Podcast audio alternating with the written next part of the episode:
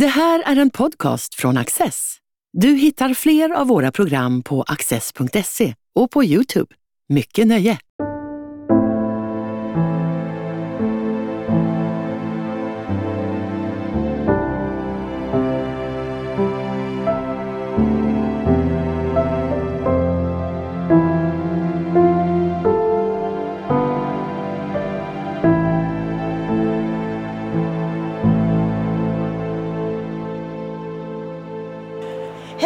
Och hjärtligt välkomna till Access podcast Kulturgryning. Idag spelar vi in live inför publik här på Bokmässan i Göteborg och temat för dagen är passande nog läsning. Med mig på scen har jag författaren Torbjörn Elensky, kulturminister Parisa Liljestrand och historikern Hans Albin Larsson. Varmt välkomna! Förra veckan så presenterade sex kulturchefer ett upprop i DN. Det är säkert många här som har läst den här. Eh, ge alla elever tillgång till tryckta böcker och till skolbibliotek. Och detta med bakgrund av att, med deras egna ord, läskrisen slår brett och de flesta undersökningar visar att läsningen minskar i nästan alla grupper. Hans Albin, du är professor emeritus i historia och utbildningsvetenskap. Vad säger du? Du har ju ägnat ett helt yrkesliv åt det här. Har vi en läskris? Eh, ja, det tror jag vi har. Eh, och eh, jag tror att den eh, är en funktion naturligtvis utav samhället som sådant. Men det är alldeles uppenbart att skolan spelar en stor roll i sammanhanget också. Eh, de av oss som kommer ifrån hem där man har ett utvecklat och eh, rikt språk har lärt sig hur man eh, uttrycker sig, hur man kan uttrycka nyanser, hur man kan uppfatta nyanser. Den som inte har det måste få en väg in i det sammanhanget. Och det är inte bara för att man ska bli, lära sig mer om andra människors upplevelser via litteraturen utan det är också för att man ska få ett redskap att eh, finna sig själv men också för att kunna påverka sin samtid, politiska beslut och beslut i alla möjliga sammanhang. Då måste man kunna uttrycka vad det är man vill och vad man har uppfattat inte eh, fungerar. Och vägen in till detta går ofta via läsning. Och det är därför som läsningen är så central. Men alltså, både av litterära skäl eller litteraturkunskapsskäl men lika mycket när det gäller livet i övrigt och inte minst vår beslutsprocess skulle jag vilja säga. Torbjörn, vi hoppar vidare till dig. Är satsning på just skolbibliotek och tryckta böcker en bra lösning? Eh, jag tror att det är en bra lösning, men jag tror inte att det räcker. Utan det som behövs är det behövs en genomtänkt satsning på tryckta böcker och som hänger ihop också med diskussionen om kanon. Det är ju ingen av de här eh, fina och människorna som vill ha en kanon men man kanske ändå borde ha det.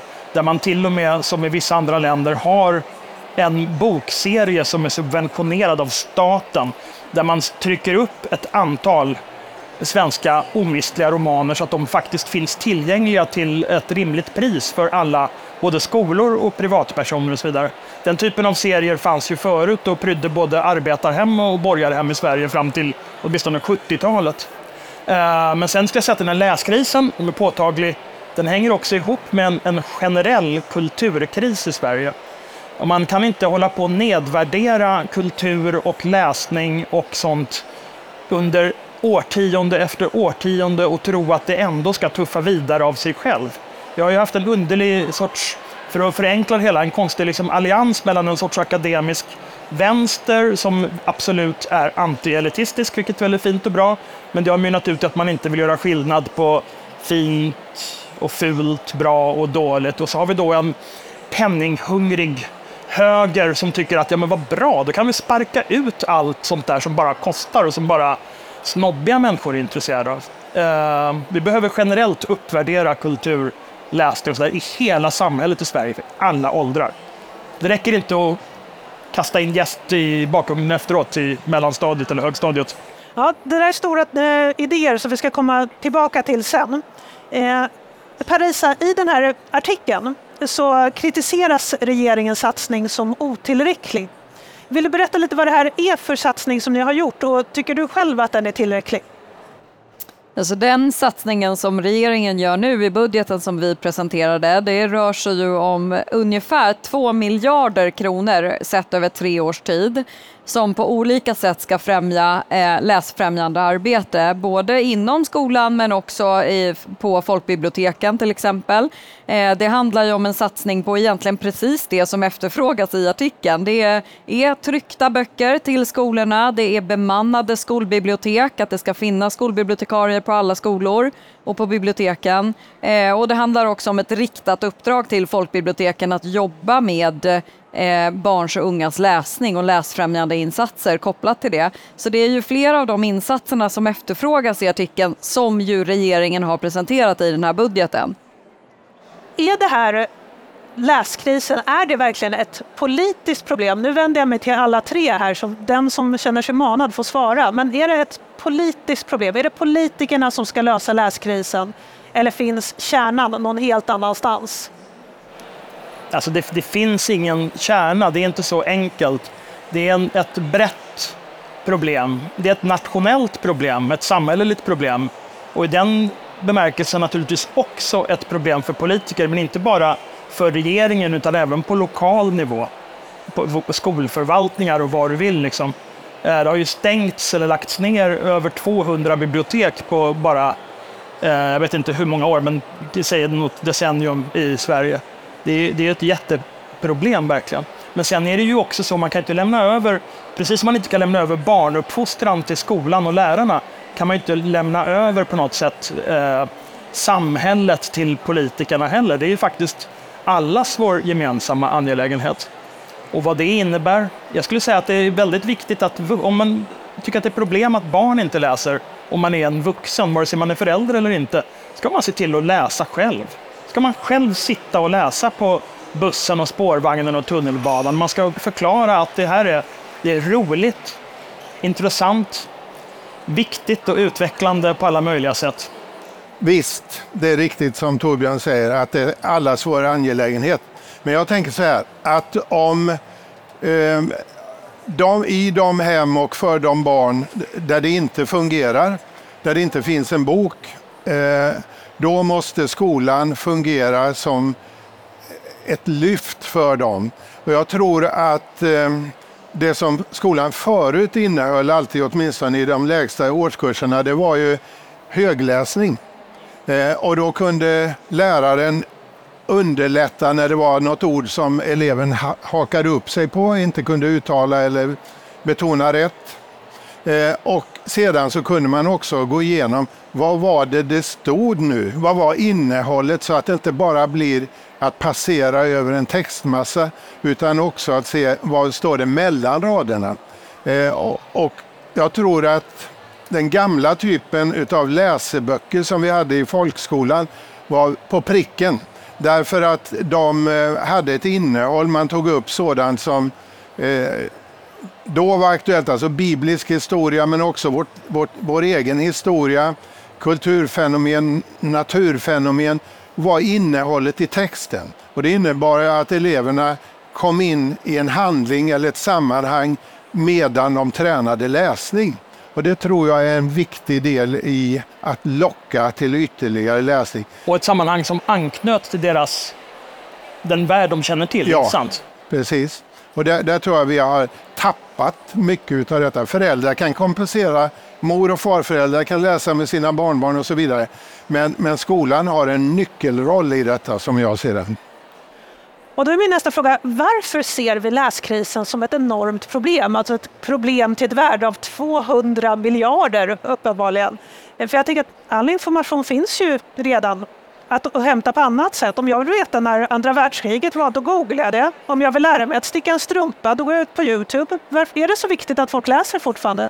Parisa? Ja, det är jätteviktigt. Man kan tillgodogöra sig kunskap på andra vis, men, men alltså, man ska inte underskatta att, att, så att säga, litteraturen och läsningen har ju i sig eh, så många andra effekter och, och någonstans ytterst ytterst, om man säger för det samhälleliga ansvar som vi ju alla har att vara goda samhällsmedborgare. Det är ett demokratiskt ansvar som var och en av oss ska bära och som vi ska bära som samhälle. Och där är läsningen enormt viktig. Dels för att kunna tillgodogöra sig information och kunskap men också för att ta del av, av erfarenheter, av att förstå skeenden, av att eh, kunna se historien och sätta in den i samtiden.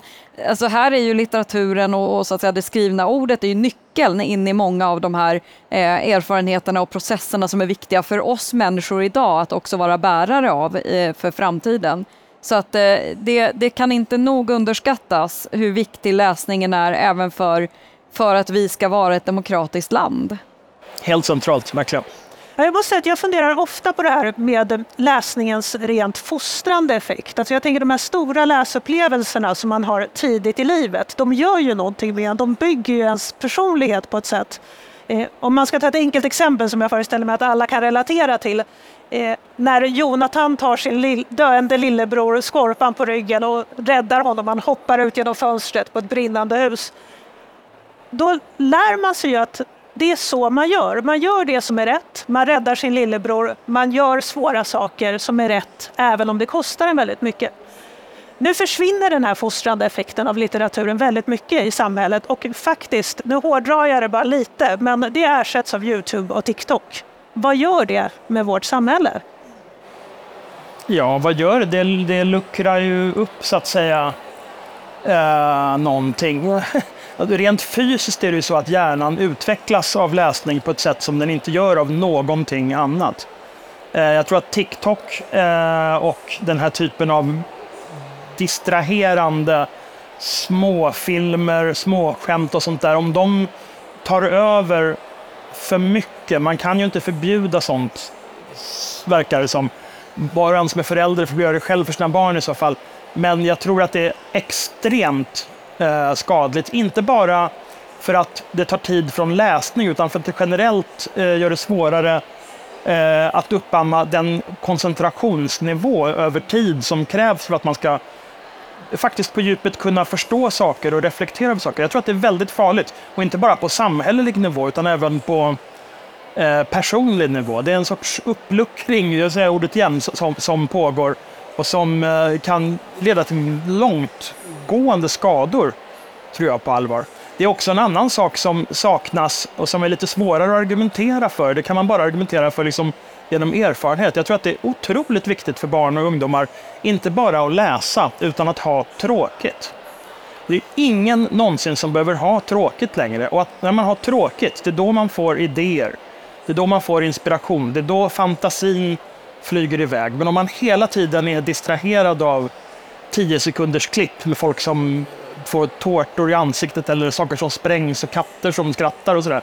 Alltså, man blir ju dum i huvudet helt enkelt. Man blir en ytligare och dummare människa och det är sorgligt, både på individnivå och samhällsnivå. Eh, Hans Alvby, vad säger vetenskapen? Blir vi dumma i huvudet av TikTok? ja, ja, dummare tror jag inte vi blir generellt bli sett, men risken finns alltid i, särskilt i, i vissa fall, skulle jag vilja säga. Men förytligande är ordet. Om man bara ser på korta eh, snuttar och aldrig tränger under ytan, då är man i ytan. Men då blir man ju dummare. Ja, men man kanske var dum från början. Ja, det är en annan ja. sak. Så, men man blir inte klokare. Och själva vitsen, både med skolgång och med eh, att läsa böcker och att, eh, av alla slag, det är ju att man ska gå något klokare ut än man gick in. Man, man ska ha lärt sig något. Och jag tror just att eh, litteraturens möjlighet att förmedla känslor, nyanser, intryck, sammanhang, miljöer är väldigt svår att återge på film på samma sätt. Eh, och igenkännande på samma sätt som, som dofter och, och, musik och sånt inte blir riktigt samma sak. På. Så att jag tror inte att det går att ersätta. Och tar vi bort detta generellt för flera generationer, då gör vi samhället fattigare och möjligen dummare också. Eh, så att det går att göra något åt. Men jag tycker det är viktigt att komma ihåg också att en, en, alltså en bok kräver ju någonting av oss. Eh, det, den kräver att vi investerar tid och kraft och energi och lite möda i en, en bok för att, för att den också sen ska börja ge någonting tillbaka. Och det här är någonting som vi behöver träna våra barn och unga i. Eh, det, det, är ingenting som kommer av sig självt utan det kräver träning och också bygga upp den förståelsen för att det jag investerar i detta kommer ge mig saker så att säga fast lite längre fram och det är väl det tror jag som är, jag tror inte man behöver vara liksom, teknikfientlig eller att måla allting i svart eller vitt men jag tror att en av farorna med den här liksom snabba, snabba klippen och snabba matningen av information, det är de här dopaminkickarna som hela tiden blir, som någonstans gör att, att man inte behöver investera något för att få någonting tillbaka. Och det behöver vi lära våra barn och unga. Ja, verkligen. Det var en artikel i DN häromdagen av Vesna Prekopic att eh, skolan måste släppa att läsning alltid ska ske utifrån lust. Är det lite det du är inne på här, att det kanske är värt att faktiskt tvinga barn att läsa för att för att det ska bli roligt sen. Ja, men jag, jag, tror, eh, jag tror absolut att, man, att allting kan inte bara utgå ifrån lust. Eh, utan att det också måste finnas strukturer och där är ju naturligtvis skolan helt avgörande för det. Jag Eh, pratade här tidigare idag om, om hur det var när, när jag gick i skolan och min, min lågstadielärare Asta eh, som var oerhört noggrann med att på ett sätt göra litteraturen tillgänglig för oss men samtidigt kräva av oss att vi också investerade det som krävdes för att kunna ta oss an den. Och det där tror jag är, är oerhört viktigt, inte minst också för att kunna jämna ut den här, de här klyftorna som vi nu ser hos barn och unga där vi ser att, att eh, det visserligen är så att det börjar komma rapporter om att bar, vissa barn barn och unga läser mer men vi ser också att klyftorna eh, blir större och större och att de barn som inte läser de halkar efter ännu mer nu i läsförståelse och, och läslust. Eh, då. Och, och det här är ju någonting som, om man pratar om polarisering i samhället, så är det här någonting som ytterst också kommer få andra samhällseffekter som jag tror att ingen av oss vill vara med eh, om, utan som vi är satta någonstans att ta ett gemensamt ansvar för att bekämpa.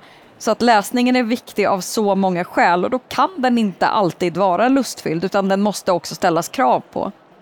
Det, det där är jätteviktigt tycker jag, överhuvudtaget när det gäller alltså, kulturell bildning i skolan, att det kan inte bygga på att elever väljer själva. Man måste liksom, precis som svenska och så att säga, kulturell kunskap i vid bemärkelse, liksom slöjd eller idrott, är ju någon sorts färdighetsämnen där man kan träna upp sig och bli bättre. Man kan bli bättre på språket, man kan bli bättre på att läsa, man kan bli bättre på att skriva, men man blir inte det om man inte någonstans, alltså tvinga låter fel, men barn är ju tvingade att gå i skolan. Klart man måste få dem att göra multiplikationstabellen och man måste få dem att läsa vissa saker. Det är inget, det är inget, det är, det för, det är inget tvång, det är skolplikt. Ja, eh, det stämmer ju. Och, alltså, man kan, alla har vi väl segat oss fram i någon bok som inte kändes inspirerande till en början. Och i vissa fall så kanske den inte gjorde det längre fram heller. Men i åter andra fall så plötsligt så har man släppt bekymren från början och kommit in i en värld som sen ger sig själv på något vis. Och jag tror att det är så i all kunskapsinhämtning. Det kan vara hur mödosamt som helst att läsa igenom en kursbok eller Eh, lära sig räkna på ett visst sätt. Men just genom att man inte ger upp så lär man sig och sedan har man det som en grund och så plötsligt får man luft under vingarna och så man, kan man stiga. Det värsta sveket, eller ett av de värsta, är ju just att ge upp och säga att nej, kan du inte detta så behöver du inte ägna dig åt det. Men det gäller ju att inte sätta ribban på en nivå som är onåbar utan att se till att vi accepterar att våra barn, liksom vi själva, har olika förutsättningar och att vi tillåter olikheter och att inte alla måste läsa precis samma sak på samma tid. Eh, och det vi hörde förut om skolan i ett tidigare inslag här, det var ju just detta med, med vår enhetliga skola där alla elever ska läsa samma kurser på samma tid, eh, vilket ju inte passar mer än ett fåtal. Funkar inte. Så ska det vara läsupplevelser, ja men då måste ju litteraturen avpassas efter vad som är tillgängligt och ger ett visst motstånd hos varje elev. Men det får ju inte vara för trivialt och det får inte vara ursvårt för någon. Då kan vi få alla att utvecklas. Och det är det jag tror man måste eftersträva i alla ämnen. Vi pratar väldigt mycket nu om skola och ungas läsande, men vad händer med de unga vuxna som har gått igenom det svenska skolsystemet och blivit marinerade i digitalisering och bara kan läsa sådär? Är det en förlorad generation? Delvis, ja. Det är bara att gå hem och titta på deras bokhyllor. De innehåller prydnadssaker, men knappast böcker. Men det är ju alltså, är man inte van att eh, läsa bakom det synliga, då blir man ju också kan bli ett lättfångat byte för duktiga demagoger och sådana som förenklar både när det gäller reklam och andra budskap. Man blir lite dummare. Man, eller, eller man blir inte klokare i varje fall. Parisa, hur bygger man vägar in i kulturen för människor som inte har fått dem med sig som barn och unga? Jag tror att det handlar jättemycket om att eh, det som, eh, det som du är inne på, det vill säga försöka sänka trösklarna, försöka hitta eh, anpassningar som gör att det, att det passar var och en. Alltså jag behöver inte gå längre än till mig själv och till min barndom och till, till min familj som skulle integreras in i ett nytt samhälle och in i en ny kultur och vad det innebar och, och den, så att säga, det stödet och den hjälpen som vi ändå fick att kunna sänka trösklarna till att både ta oss an ett nytt samhälle men också förstå den kulturella kontexten. Och i det så måste det finnas plats både för det som är majoritetskulturen men också en plats för det som som man bär med sig själv, i, som, som, så att säga, i, det, i minoritetskulturen som man också bär med sig. Det måste finnas ett utrymme för båda. Eh, och jag tror att det är oerhört viktigt att vi inte så att säga, målar det där i svart eller vitt utan, utan möjliggör för ett samhälle där det finns plats för bägge två. Och de där trösklarna kan man ju sänka på olika vis. Det, det finns ju olika sätt att, att möjliggöra för människor att ta sig an olika nya kulturella sammanhang. Så att det, det tror jag är helt och hållet beroende på så att säga, vad man tittar på för kontext. Det kräver ju också en verkligt stor kunskap hos lärarna för att man ska hitta liksom rätta ingångarna. Nej, jag funderar just på de, de här unga vuxna som inte har fått det här med sig i skolan. Hur löser man det? De, måste ju, de är ju unga vuxna, de får, måste ju lösa det själva. Om man inte kunde tvinga dem i skolan, hur ska man tvinga dem när de är 22? Det går ju inte. Hur tänker vi om eh, skolans digitalisering? Är det dags att dra i nödbromsen där? Skulle det hjälpa upp läsningen? Ja, jag, jag tror man ska se på digitaliseringen som att det ska vara ett hjälpmedel. Men det får ju inte innebära att eh, resultatet blir sämre än om man inte hade haft hjälpmedlet. Eh, det viktigaste som jag ser när det gäller skolan, det är alltså en av de viktiga faktorerna, men just i detta sammanhang, det är att det finns genomtänkta och goda läroböcker så att alla kan följa hur långt man har kommit, vad man ska förbereda till nästa gång, att man kan gå tillbaka, repetera det man inte fattade eller minns eh, och att det finns en ryggrad i systemet. Inte att det fladdrar med lösblad hela tiden eller gör din egen lärobok eller vad tycker du själv eller något sånt där. Utan det måste ju vara en genomtänkt struktur. Va? Och, och eh, det, synen på tekniska hjälpmedel blir ju då en funktion av vilken struktur vi har tänkt ut. Jag tror också att man måste kanske eh, i, i i skolan. Jag tror att det är helt rätt att man måste återgå till mer fysiska läromedel, att boken är ett naturligt, den fysiska boken är ett naturligt inslag i, i klassrummet och i elevernas händer. Det är i allra högsta grad också en, en taktil upplevelse skulle jag vilja säga, att faktiskt hålla i en fysisk bok, att kunna bläddra igenom den och lite nyfiket, aha, titta där var en bild som fångade mitt intresse, undrar vad det står om den. Det gör man ju inte om man bara har tillgång till det digitala. Så att jag tror att vi måste förstå vikten av den här känslan av att öppna en bok för första gången. Ni vet doften när man kliver in på ett bibliotek, det är ju väldigt speciellt. Jag tror att alla, alla här som är vana besökare på bibliotek och, och böcker, vi vet det. Men vi måste också lära den nya generationen det och där handlar inte eh, litteratur eller böcker bara om eh, läsning utan det handlar om någonting annat. Det är en hel upplevelse och vi måste bygga den upplevelsen för dem och den är i allra högsta grad också fysisk. Innan vi rundar av för idag eh, så skulle jag vilja be er om att komma med varsitt tips. Och jag börjar med dig Hans Albin. Om du får ge ett tips till en instans, alltså till regering eller till skolor eller till oroliga föräldrar, just i fråga om hur får man barn och unga att läsa mer? Vad, vad är ditt bästa tips och till vem? Jag vet att det är en jättesvår fråga. Föräldrarna självklart, men jag inriktar mig på skolan därför att alla går, ska gå i skolan. Och då är det att göra det till norm att vi går, har en planerad undervisning och vi baserar den på goda läroböcker. Sen kan vi göra utvikningar åt alla håll så att vi kan gå tillbaka, repetera och gå framåt i en planerad takt. Det ska vara en funktion av att vi har tänkt igenom vad det är vi sysslar med, inte en sinkadus där det fungerar i vissa fall och inte i andra. Torbjörn Elensky, du blir kulturminister för en dag och Åh, får, göra en, får göra en kanon för högstadiet. Ja, Vilka tre böcker skulle absolut vara med? alltså tre, tre räcker ju inte, men jag kan tänka mig tre nedslag som man dessutom är så praktiska att man kan läsa dem på lektionen och diskutera dem på lektionen och anknyta till elevernas eget liv. Och det är till att börja med Anna Maria Lenngrens Pojkarna. Där man kan prata vad det innebär att växa och utvecklas och förändras under livets gång. Perfekt för högstadieelever. De kan reflektera lite över, kommer de fortsätta vara vänner i framtiden? Vad kommer de att bli? Och så vidare. Sen någon av Selma Lagerlöfs noveller, alltså helst hennes romaner egentligen, men det hinner man inte med. Så Herr Arnes penningar, den kan man fånga folk med. Om det är en duktig lärare som läser högt kan det bli strålande. Och så kan man se den gamla filmen. Eh, och sen undrar jag om det nu inte börjar bli dags för att faktiskt eh, ploppa in Astrid Lindgren här. Och då är ju, som du nämnde från början, Bröderna Lejonhjärta. Eh, den är väl lagom lång och lagom svår. Jag vet inte, högstadiet har ju folk väldigt olika utvecklingsnivå, men den är ju också en sån där existentiell, bra barn och ungdomsbok som jag tror håller. Och den är ju nu 60, eller jag vet inte när den skrevs, 50 år kanske eller någonting.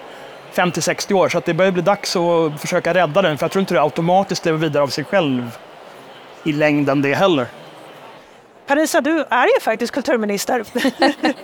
Eh, Hör och häpna. I den här världen så får du göra en kanon för högstadiet. Vilka tre toppböcker har du som du skulle ha med i en sån kanon om det blev aktuellt? Ja, alltså jag, jag, jag tänker nog att jag inte ska svara på det just därför att jag inte är kulturminister bara för en dag utan för att jag är det. Kan råka illa ut sen. Låt mig alltså, omformulera frågan.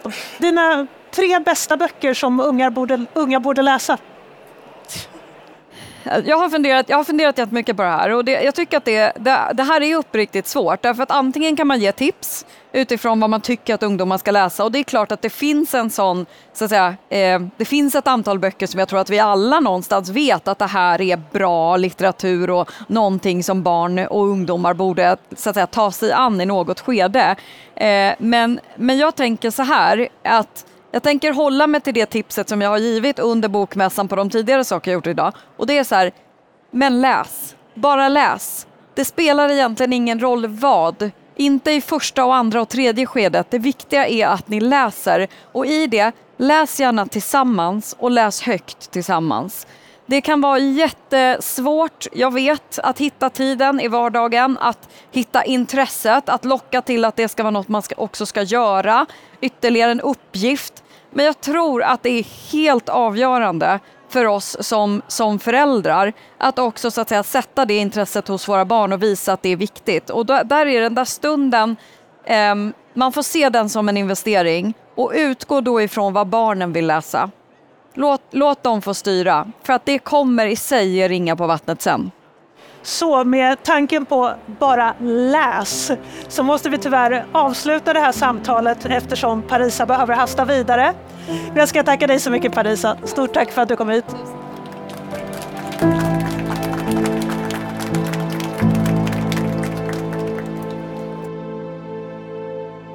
Du har just lyssnat på en podcast från Access. Du vet väl att vi också är en tv-kanal och tidning? Teckna en prenumeration idag på access.se.